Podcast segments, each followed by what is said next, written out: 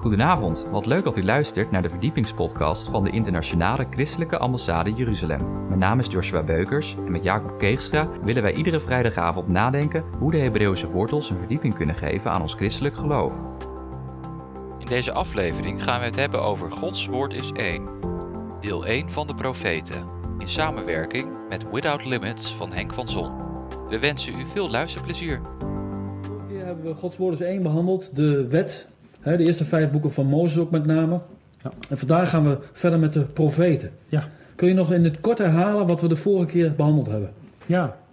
Omdat God is één en hij zichzelf bekend maakt, zichzelf openbaart in zijn woord, is ook zijn woord een afschaduwing van wie God is. En door het woord te lezen wordt ook iets meegedeeld, maakt God zichzelf bekend aan ons. Want het woord zegt al, het openen van zijn woord verspreidt licht.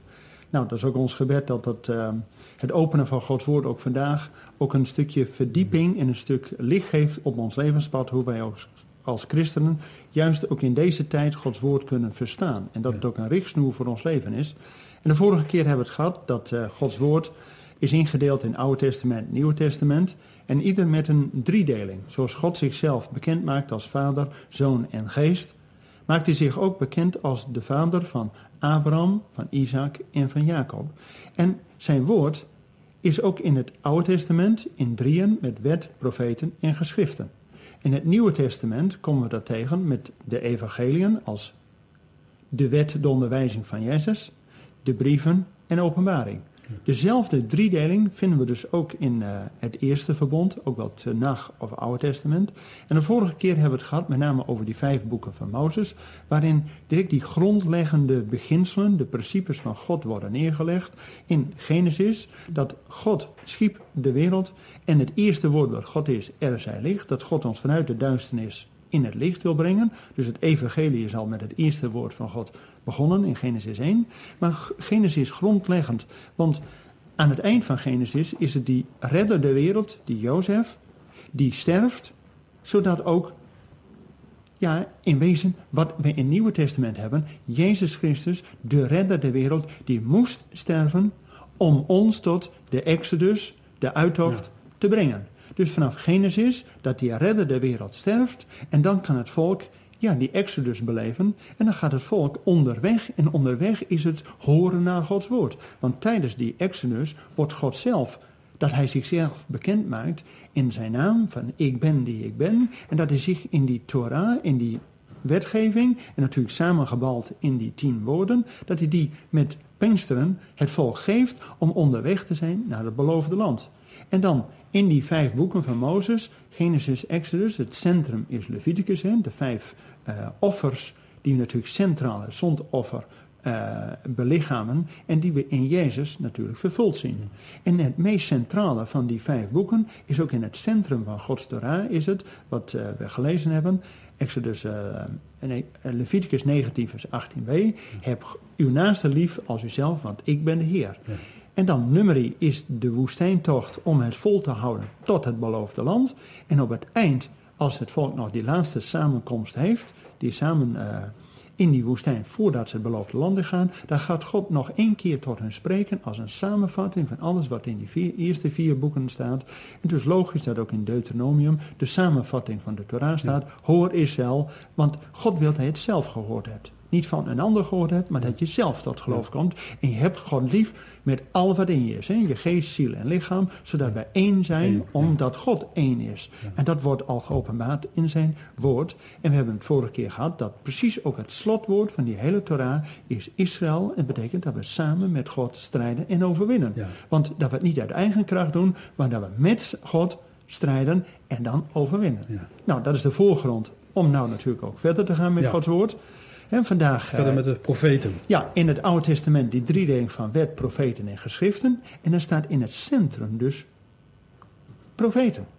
Alleen wat wij in Nederland en juist ook als christenen, hoe hebben wij onze Bijbel ingedeeld? Na die vijf boeken van Mozes zijn we met die historische boeken gegaan. Josia, Richteren, Rut en eh, Koningen. Dat lezen wij als historische boeken. Van, ach, er was eens Ja. en leuk dat dat gebeurd is, maar wat zegt het ons?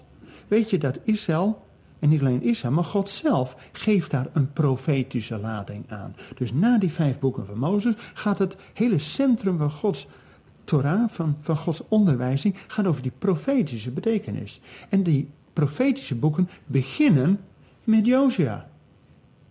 En die hele profetische boeken begint niet alleen met Josia, want Josia was natuurlijk degene die eerst Hosea heette, de zoon van Nun. Maar omdat hij een leider wordt van het volk van God, krijgt hij dat God zelf in hem komt en in zijn naam wordt een Jehoshua, een Joshua. Dat is die ene Jot die er bij Sarai afviel toen. Ja, bij ja. de- daar hebben we het over gehad, hè? ja, en nou bij Joshua, of Hosea, erbij komt en wordt een Jehoshua. Een Joshua die als, natuurlijk wat wij in het Nieuw Testament Jezus, hè, dat is de Griekse naam, maar in het Hebreeuws is het Yeshua of Jehoshua. En dat betekent God redt. Want God gaat hem gereed maken om een redder te zijn van het volk die voor de Jordaan staat, maar door die diepte heen moet het beloofde land in. En wat, laten we eens lezen. Het begint dus die profetische lezen met Jozua 1 vers 1. En wat staat er nou? Dat is heel frappant. Joshua 1 vers 1, daar staat... Het geschiedde na de dood van Mozes, de knecht des Heren... dat de Heere tot Joshua, de zoon van Nun, de dienaar van Mozes, zeide... Mijn knecht Mozes is gestorven. Ja, is toch vreemd? Dat God begint om die nieuwe leider te roepen. En dan zegt God tegen hem: Van zo en zo, Mozes. Dan had Josia toch al twintig jaar mee in de tabernakel samengewerkt. En dan zegt God: Mozes nu, mijn knecht, is dood. Punt. Dat is omdat God eerst een punt wil zetten. God wil eerst een punt zetten van het oude, dus is een punt achter. En dan pas, Josia, en dan staat het verder in eh, vers 9 van, heb ik u niet geboden, wees sterk en moedig, tot twee keer toe. Met andere woorden, God gaat eerst zeggen het oude, een punt erachter, want anders ga je nog het oude verheerlijken. God wil dat die nieuwe leider, niet zoals het volk, oh, die dacht, oh, dat geweldige van, van, van Egypte, laten we vooral terugkeren. Nee, God zegt, Mozes nu, mijn knecht, is dood. Dus, punt erachter. Dat is net als wij tot bekering komen. Ons oude Ja. leven is eigenlijk Helemaal. dood. Ja. Hè, zie je, het oude is voorbij gegaan, het Ja. nieuwe is gekomen. Ja, ik ben blij dat je dat aanhaalt, want die lijn ligt er natuurlijk helemaal in. Maar voordat je het weet, gaan wij als christen weer verroeten in ons oude leven. Ja. En daarom wil God ook niet dat we in de oude vlees gaan roeten, maar vanuit Gods geest. En daarom is ook direct bij het beeld van die Josia, die nieuwe leider, dat u wees sterk en moedig van ik ben met u. Nou, en als God jou die nieuwe naam geeft, van Hosea naar Jehoshua, dat God redt, nou, en die zegt van ik ben met je. Nou, ik bedoel, dat is toch Immanuel? Ja, geweldig. Dus dat ligt al in de profetische lezing vanaf het Oude Testament. Maar die lijn kun je doortrekken. Ja, en daar zien we weer, Gods woord is één. Ja, helemaal. Ja, Laten we eens naar die eerste, die vroege profeten, Josia, Richteren en zo. En dan heb je bij de profeten de hoofdprofeten, de grote profeten. En dat begint met Jezaja. Nou, laten we eens naar Jezaja kijken, die natuurlijk dezelfde naam als Yeshua heeft. Jesaja wordt denk ik ook gezien als de grootste profeet. Hè? Ja, ja, dat is, dat is in die zin wat hij door Gods geest heeft mogen opschrijven. Fantastisch. Alleen, waar begint dat mee? Jezaja 1, vers 18. Zullen we dat eens lezen? Jezaja 1, vers 18. 1 vers 18, ja. Daar staat... Kom toch en laat ons tezamen richten, zegt de Heer. Al waren uw zonden als schaarlaken, zij zullen wit worden als sneeuw. Al waren zij rood als karmozijn, zij zullen worden als witte wol. Ja, dat is Prachtige zo- tekst. Ja, geweldige tekst. ja. Maar het begint met, komt, laat ons Ja. tezamen richten. Het is nog genadetijd. God wil dat we samen met hem wandelen in het licht. En dat we ook samen met hem één zijn. Sterker nog, want er komt een tijd aan het eind van de geschiedenis dat God alleen zal richten. Dan komt het oordeel. Dus er is nu nog genadetijd van kom toch, kom erbij, laat ons tezamen. Dus het is nu een periode dat we het met God eens worden. Dat we samen op weg gaan.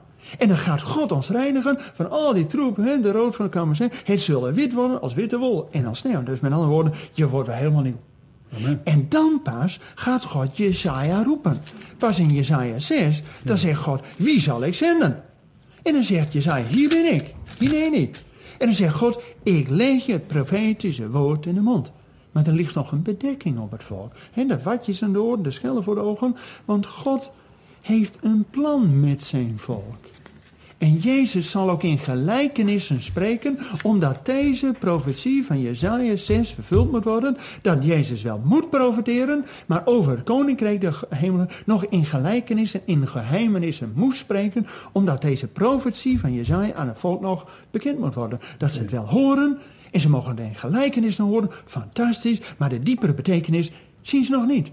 En dan zegt Jezus aan het eind van, als hij die, die gelijkenissen gesproken heeft, dan vraagt hij zijn discipelen van, uh, hebt gij dit verstaan? Zeggen ze, ja. En dan zegt Jezus, wanneer een schriftgeleerde tot discipel is geworden, dan zullen hem die schellen van de ogen vallen en de oordopjes uit. En dan zul je het profetische woord nou, in volkomen klaarheid zien. En dat bid ik ook, en ook voor onze kijkers, dat ja, Gods geest ons mag leiden in de diepte van Gods woord. We zullen eens naar die Jezaja-profetie kijken. We kennen natuurlijk allemaal dat Jezaja uit 66 hoofdstukken bestaat.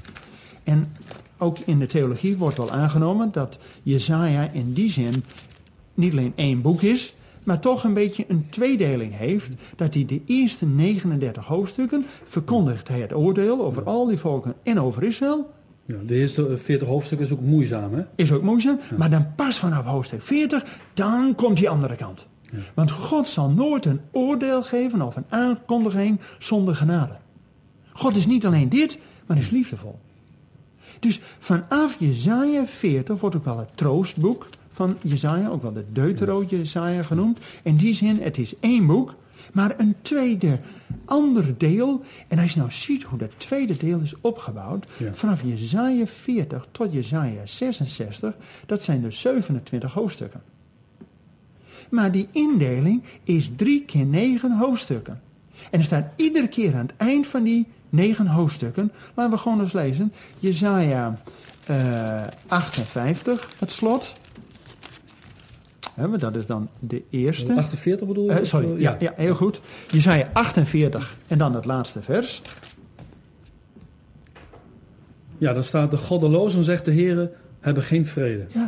En dat zie je geloof ik drie keer. Dat zei je drie keer. Want in al die drie deling van die 27 hoofdstukken, drie keer negen hoofdstukken, staat aan het slot.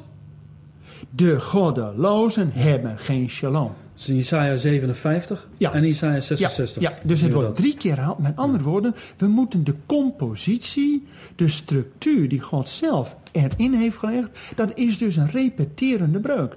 Dus in het tweede deel wanneer Jezaja profetisch fantastische dingen geeft over het volk, dan staat er direct als slot bij, de goddelozen hebben geen shalom.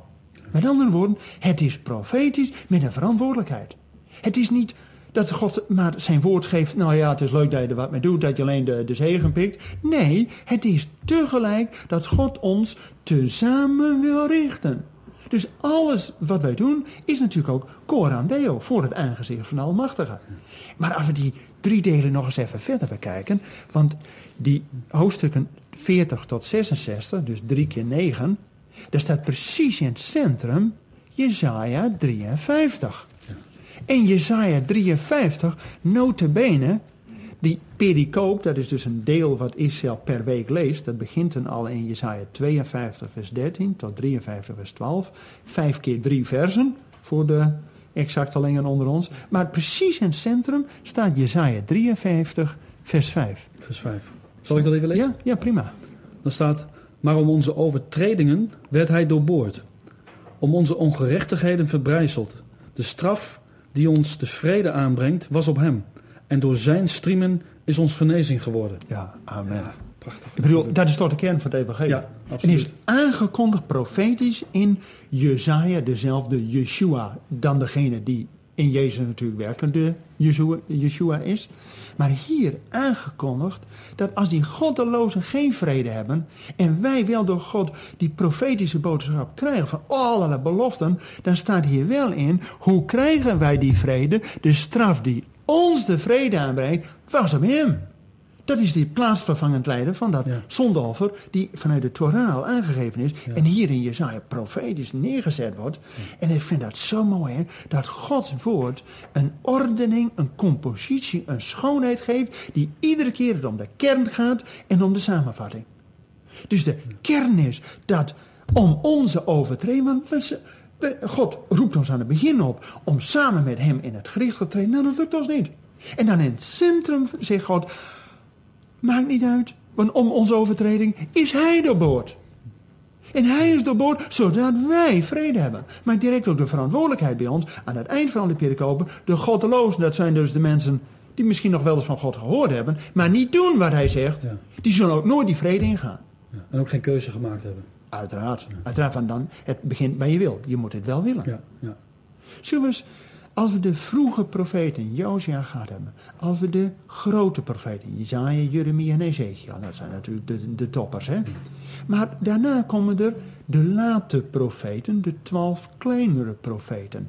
Die worden klein genoemd, niet omdat ze klein van bestuur waren, maar omdat ze vrij dunne bijbelboeken hebben geschreven. Maar er zit een profetische diepgang in. Nou, ongelooflijk. Laten we eens gaan kijken naar die twaalf. En twaalf is niet voor niks, zomaar wat. Twaalf is natuurlijk ook de twaalf stammen van Israël. Een bepaalde volheid die profetisch hier wordt En we neergelegd. hebben twaalf discipelen. En uiteraard, wat ik bedoel, vanuit het Oude Testament, de twaalf stammen, daar heb je natuurlijk in het Nieuwe Testament complement van, dat die twaalf discipelen. En als er dan één ontbreekt door Judas, dan moet er een ander komen die God zelf zal aanwijzen. En uiteindelijk is het Paulus die natuurlijk het evangelie naar de heidenen brengt als een twaalfde discipel. Maar wij mogen ook discipelen worden. Wanneer wij geloven in Jezus, dat we niet alleen het woord lezen, maar dat we doen wat er staat. En dan pas gaat God het ons openbaren. Ja. Prachtig. prachtig, prachtig. Zullen we eens gaan kijken naar die twaalf kleine profeten? Die beginnen met Daniel. En dan Hosea, we kennen al dat rijtje wel, hè? En dan, eh, Maar laten we eens gaan kijken bij Daniel. En iedere keer weer in de schrift, dat hebben we de vorige keer ook gezien met de, met de Torah, gaat het bij God over het begin, het centrum en het eind. Hè, Jezus zegt, ik ben de alfa en omega, het begin en eind, dat weten we. Maar Jezus is ook het brandpunt. Het focuspunt van Gods belangstelling. hè. Dat zie je ook door de hele Bijbel heen. dat hebben we nou bij Jezaja gezien. Hè? Dat hele troostboek precies in het centrum. Hoe komt die troost uit ons? Omdat hij de trooster is. En als hij nu bij de Vader is, dan zijn er die andere trooster die in ons woont. En ons de profetische woorden van de toekomst ons verkondigt. Dus dat ligt allemaal in één lijn. Maar laten we eens gaan kijken naar die kleine profeten. En dan kunnen we ze niet alle twaalf behandelen door iedere keer het begin, het midden en het eind te beschouwen. Maar laten we toch eens een aantal steekproeven nemen dat Gods woord daar zo krachtig in is. Ook al heb je van de hele Bijbel nog amper iets geweten. Kijk, de kern is natuurlijk Johannes 3 vers 16. Ja. Dat Want al zo lieve God de wereld gehad, hè? Amen. Ja. Maar dat betekent in zijn woord komt af en toe van die highlights. En als je die highlights, die samenvatting van de samenvatting hebt. Nou, zoals we de vorige keer gezien hebben, dat de samenvatting van de Torah is. Heb God lief boven alles en je naaste als jezelf. Nou, ik bedoel, als je van die hele onderwijzing alleen dat hebt begrepen, dan heb je toch genoeg. Nou, En als je het ook zou doen. ja, amen, amen. Ik ben- blij met die aanvulling, want daar gaat het natuurlijk om. Als je Daniel bekijkt, trouwens wat betekent Daniel? Geen idee. Al die namen in de Bijbel hebben al een profetische boodschap. He, dat Jezus krijgt die naam, en dat is voor zijn geboorte al eh, gezegd. Hè? Ja. Gij zult de naam Jezus geven, Ja, ja. want hij zal zijn volk redden van de zonde. Dus in de naam zit al een stukje profetie. En als je Daniel hebt, Daniel betekent, de Heer is mijn rechter. Van waar gaat het om? In het hele boek van Daniel in het centrum staat dat beeld van koning Nebuchadnezzar had neergezet. Daar hebben we nog steeds last van. Want die vier wereldrijken van Babel, van Meden en Persen, van de Grieken en van de Romeinen, dat is één beeld. Geleid door dat occulte Babel. En dat gouden hoofd. En dan eh, de Persen. Nou, we hebben nog steeds met Iran te maken met, eh, Ja. met de olie. We hebben nog steeds met die Grieken te maken. Die onze cultuur van een scheiding tussen denken en doen. En we hebben ook te maken met die Romeinen. Van hart en recht. En dan gaat het in Daniel. Wie is de rechter? Want dat grote beeld van Daniel wordt omvergeworpen door dat steentje. Ja. Dat rotsje. Waar wij door het geloof op diezelfde rotsje mogen staan. En dat is op een gegeven moment gaat hij van die berg af en dan gaat het beeld verpulveren. Maar Daniel, zeg ik altijd, die dacht ook anders. Ja. Want, want eh, mensen zeggen altijd van ja, die reus is zo groot, die kun je nooit verslaan. Maar Daniel dacht, die is zo groot, die kan ik nooit missen. Amen. En dat, dat is een hele verschillende gedachte. Ja, ja? Want waar is het centrum van Daniel met dat beeld en dan de overwinnaar dat God de rechter is over dat wereld, die wereldrijken. En dan eindigt dat met een profetie van ja, Daniel, wacht jij jouw tijd af wanneer het komt. Want God zal voor jou strijden. Dus diezelfde boodschap door de hele Bijbel heen is. Laten we eens gaan verder gaan kijken. In Nou, Exodus 14, vers 14 schiet me te binnen. ja? Daar staat Ja? ook zoiets. Hè? Gij zult stil zijn, Ja. want God zal voor u Ja, strijden. ik zal strijden en gij zult stil zijn. ja, ja. ja, ja, Ja, dat doen wij veel te weinig. ja. Voor, niet voor niks, dat ook in het Nieuwe Testament staat, er is nog een sabbatsrust voor het volk van God om in te gaan. Wij moeten vanuit die rust, dat het volbracht is, moeten we werken. Vandaar ook in Jezaja, wat we net gelezen hebben, tot drie keer toe, dat die goddeloze heeft geen vrede. Daarom woelen die volkeren. Maar hij die in het hemel troont, die lacht erom. Maar daarom- heeft zijn gezalfde Daarom zegt God ook, maak je geen zorgen. Hè? Ja. Dat Ja, zegt hij in de Bijbel 366 keer. Ja. Maak je geen zorgen, heb geen angst. Dus zelfs voor de schrikkeldag. Zelfs voor het schrikkeljaar één keer. Ja. Geweldig, ja. Laten we eens verder gaan kijken. Bij Hosea. Natuurlijk dezelfde naam als Jozua en Jezaja is Jehoshua. Ook Hosea is die boek van, dat boek waar God gaat redden. Want het volk dat heeft, ja, het had maar niet zo goed gedaan. Die ging met andere goden achterna. Gesymboliseerd dat Hosea, moet eens nagaan, profeet van God. Die moet met zo'n over, overspelige vrouw trouwen. En dan gaat het in het centrum van Hosea, dan zegt God, ik zal u werven tot bruid voor eeuwig. Want God heeft nog steeds datzelfde plan vanaf begin, dat God een volk wil uitkiezen om tot vrouw te hebben. En ook in openbaring helemaal op het eind, dat de bruid van het lam heeft zich gereed gemaakt. Dus wij die door het geloof zijn geënt op het volk van God, dat we ook de belofte van God hebben, zijn we in hetzelfde huwelijksbootje. Ik bedoel, we gaan ervoor. Dus Hosea, dat begint al met vers, eh, hoofdstuk, even kijken, 1 vers 18. Ik zal u werven tot bruid voor eeuwig. En eeuwig betekent Voor altijd. Juist. Dus niet dat stief kwartiertje van nou, dat zal wel eens een keer gebeurd zijn. Nee, voor eeuwig is eeuwig. Laten we eens verder gaan. Met eh, Joël. Daniel, Hosea, Joël. Wat betekent Joël? De Heer is God. Kijk, want dan wordt het spannend.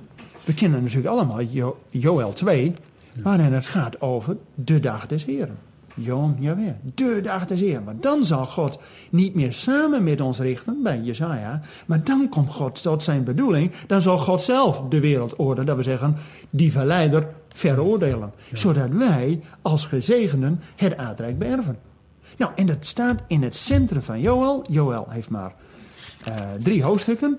En dan precies in het centrum, Joël 2, gaat over de dag des Heren. Dus dat is profetisch. En dat komt al omdat Joël zelf betekent, de Heer, die is God. Want als God werkelijk de rechter is en degene die komt, zodat hij ons tot God kan zijn. Nou, dan willen we toch niks anders? Als je die verbanden gaat zien, Ja. dan wordt ook alles... Ja, dat, dat wordt Dan wordt het heel anders. ook. Dan is bijbelstudie gewoon geen plicht, maar is het feest. Ja, ja. Dan vind je gewoon, dan smaak je drie ochtend van, oh, hier, ik ben nog niet, eh, hè, eerst dit even. ja daarom, ben ik zo, daarom ben ik ook zo blij dat we deze Ja. studie doen. Ja, ik ook. Want het zal voor veel mensen echt een openbaring zijn. En ook voor mezelf. Ja. Ik vind het echt eh, fantastisch. Gaan we verder, want dan hebben we Amos, ja, dan wordt het even lastig. Want Amos betekent last. Maar God legt niet een last op ons, God gaat die last dragen. Want wat staat er? Precies het slot van Joël. Joël 9, vers 15. Hè, we kunnen niet van ieder eh, Bijbelboek begin, centrum en eind. Maar als we nou eens het slot lezen, precies de samenvatting van alles. Amos 9, vers 15. Eh, Wat, Amos. Amos 9, vers 15. Dat is de last die God heeft. Bedankt voor het luisteren naar deze verdiepingspodcast van de ICEJ. Waardeert u onze podcast? Steun ons dan met een donatie, abonneer u of deel deze podcast met uw vrienden of familie. Ga naar www.icej.nl. Volgende week gaan wij verder met deze serie Gods Woord is één. We hopen dan dat u wederom naar onze podcast luistert. Hartelijk bedankt voor het luisteren en tot volgende week.